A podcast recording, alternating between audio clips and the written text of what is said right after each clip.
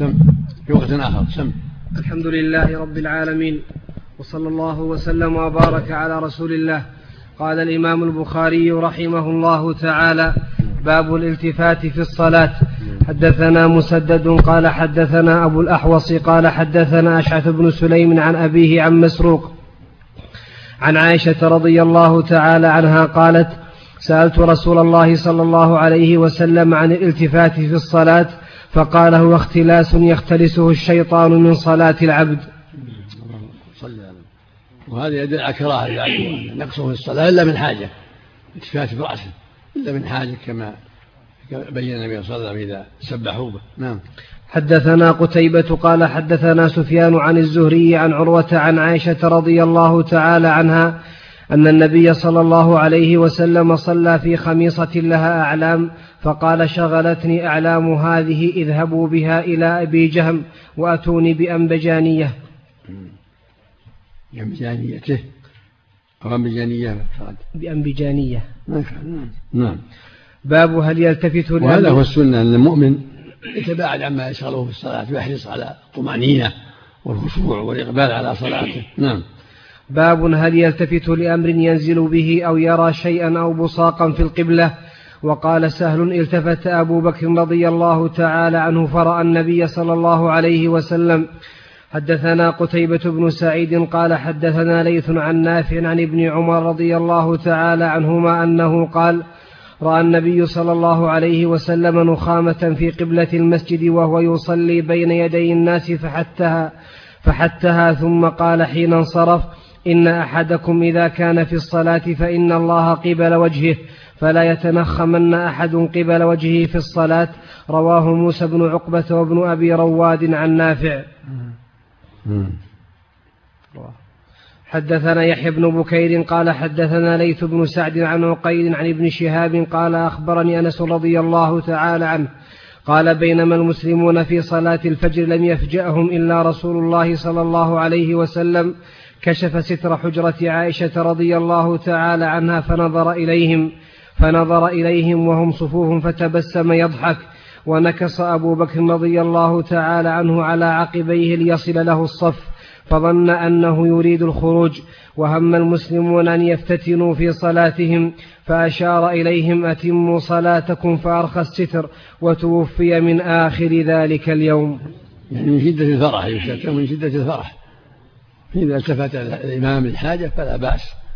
ويدل على لا يجوز البصاق في المسجد في قبلة المسجد. ولهذا حك ذلك وكره ذلك وغضب وأنكر ذلك.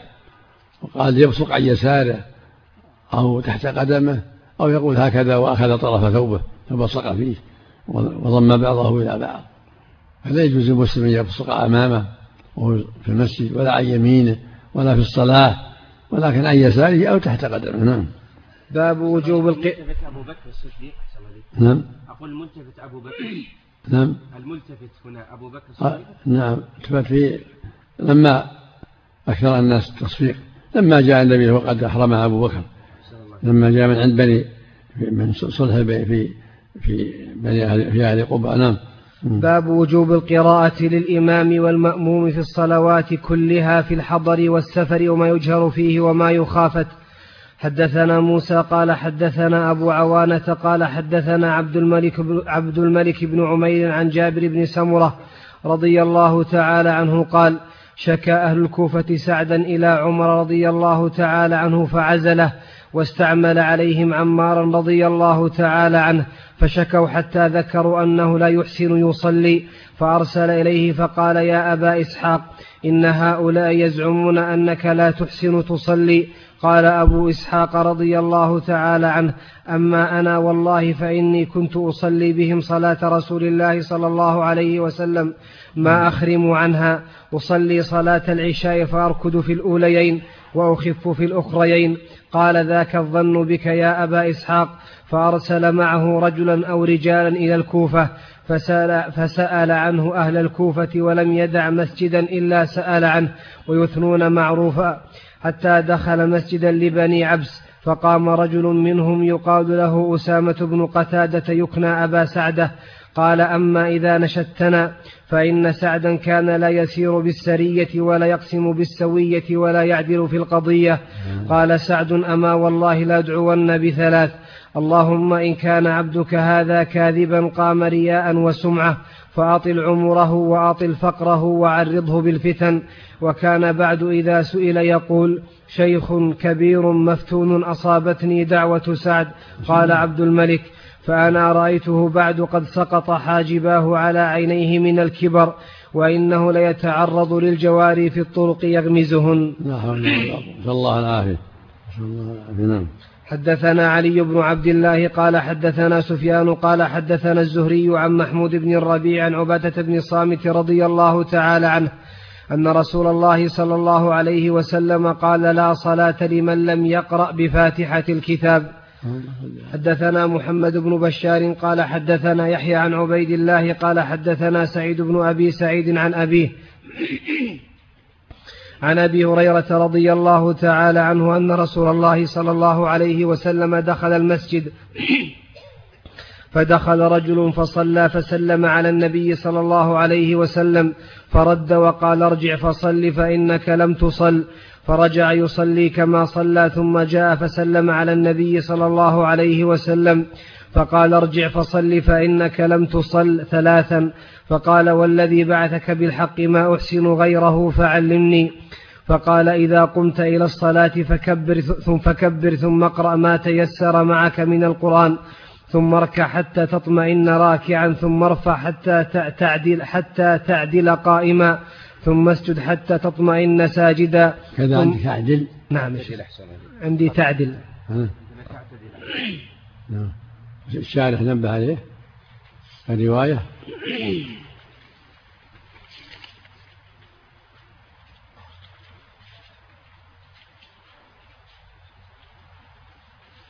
تعرض لها الشارع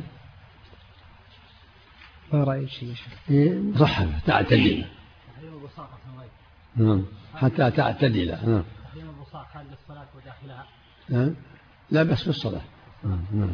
ثم ارفع حتى نعم. الصحيح أن قراءة الفاتحة فرض على المأموم والمؤمن. نعم المأموم يقرأها سرا لكنها واجبة في حق المأموم. إذا سقطت جهلا أو نسيانا سقطت لو تركها جهلا أو نسيانا أو جاء الإمام راكع سقطت عنه الحديث لعلكم تقرؤون خلف إمامكم قلنا نعم. قال لا تفعلوا إلا بهذا الكتاب وإنه لا صلاة لمن لم يقرأ بها. ولحديث أبي بكر لما جاء النبي راكع لم يمر بقضاء الركعة. واجبات حكم الواجبات في حق المأموم تسقط بالجهل والنسيان وهوات القيام. يعني في السرية والجهرية سواء. نعم. لكن تسقط بالجهل والنسيان في حق المأموم. والعجز إذا جاء الإمام راكع نعم. نعم. ثم ارفع حتى تعتدل قائما ثم اسجد حتى تطمئن ساجدا. ثم ارفع حتى تطمئن جالسا وافعل ذلك في صلاتك كلها.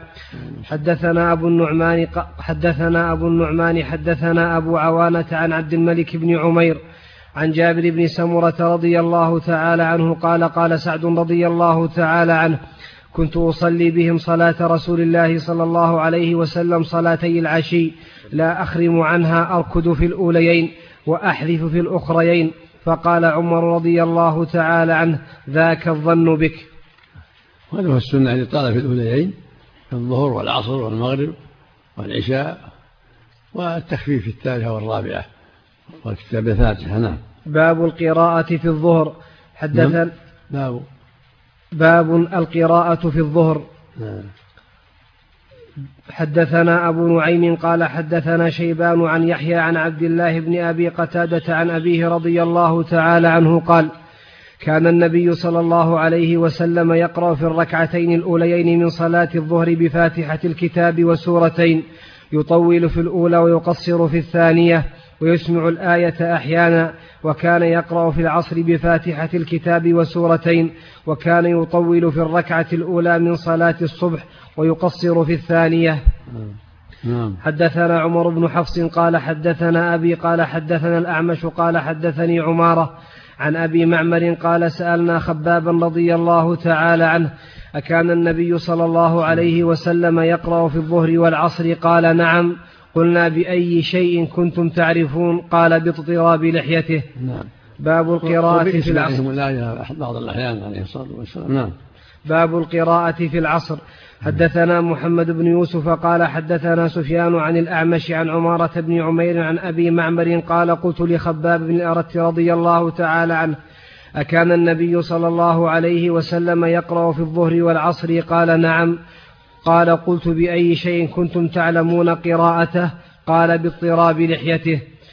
حدثنا المكي بن إبراهيم عن هشام عن هشام عن يحيى بن أبي كثير عن عبد الله بن أبي قتادة عن أبيه رضي الله تعالى عنه قال كان النبي صلى الله عليه وسلم يقرأ في الركعتين من الظهر والعصر بفاتحة الكتاب وسورة سورة ويسمعنا الآية أحيانا.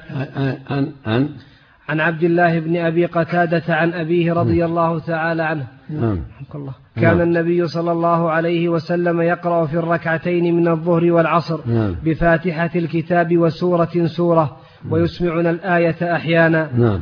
باب القراءة في المغرب. بركة شيخ أحسن الله إليك. رجل دخل ما صلى العشاء. نعم.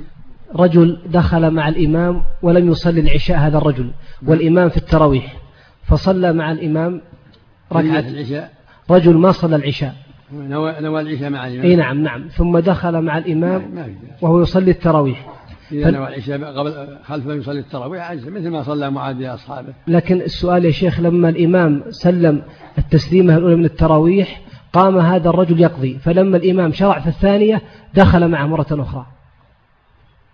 قضى قضى بقي الصلاة وحده ولا مع الإمام؟ لا لما قام يقضي الإمام كبر التراويح تسليمة جديدة فدخل المسؤول هذا الرجل ليقضي معه. يعني نواها مع خلفه؟ أي نعم. الحمد لله ما شاء الله يجوز أحسن الله عليك ما في بأس. أحسن الله صارت له صلاة صلاة خلف تسليمتين. أحسن الله عليك نعم نعم. أحسن الله عليك نعم.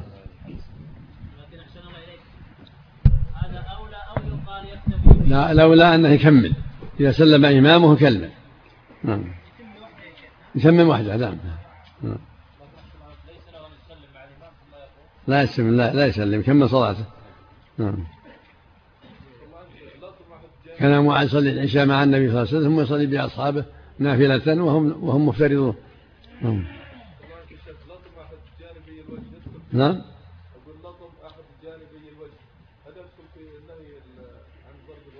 إيش؟ لطم احد جانبي الوجه ما يجوز لا لا يضرب الوجه. نعم.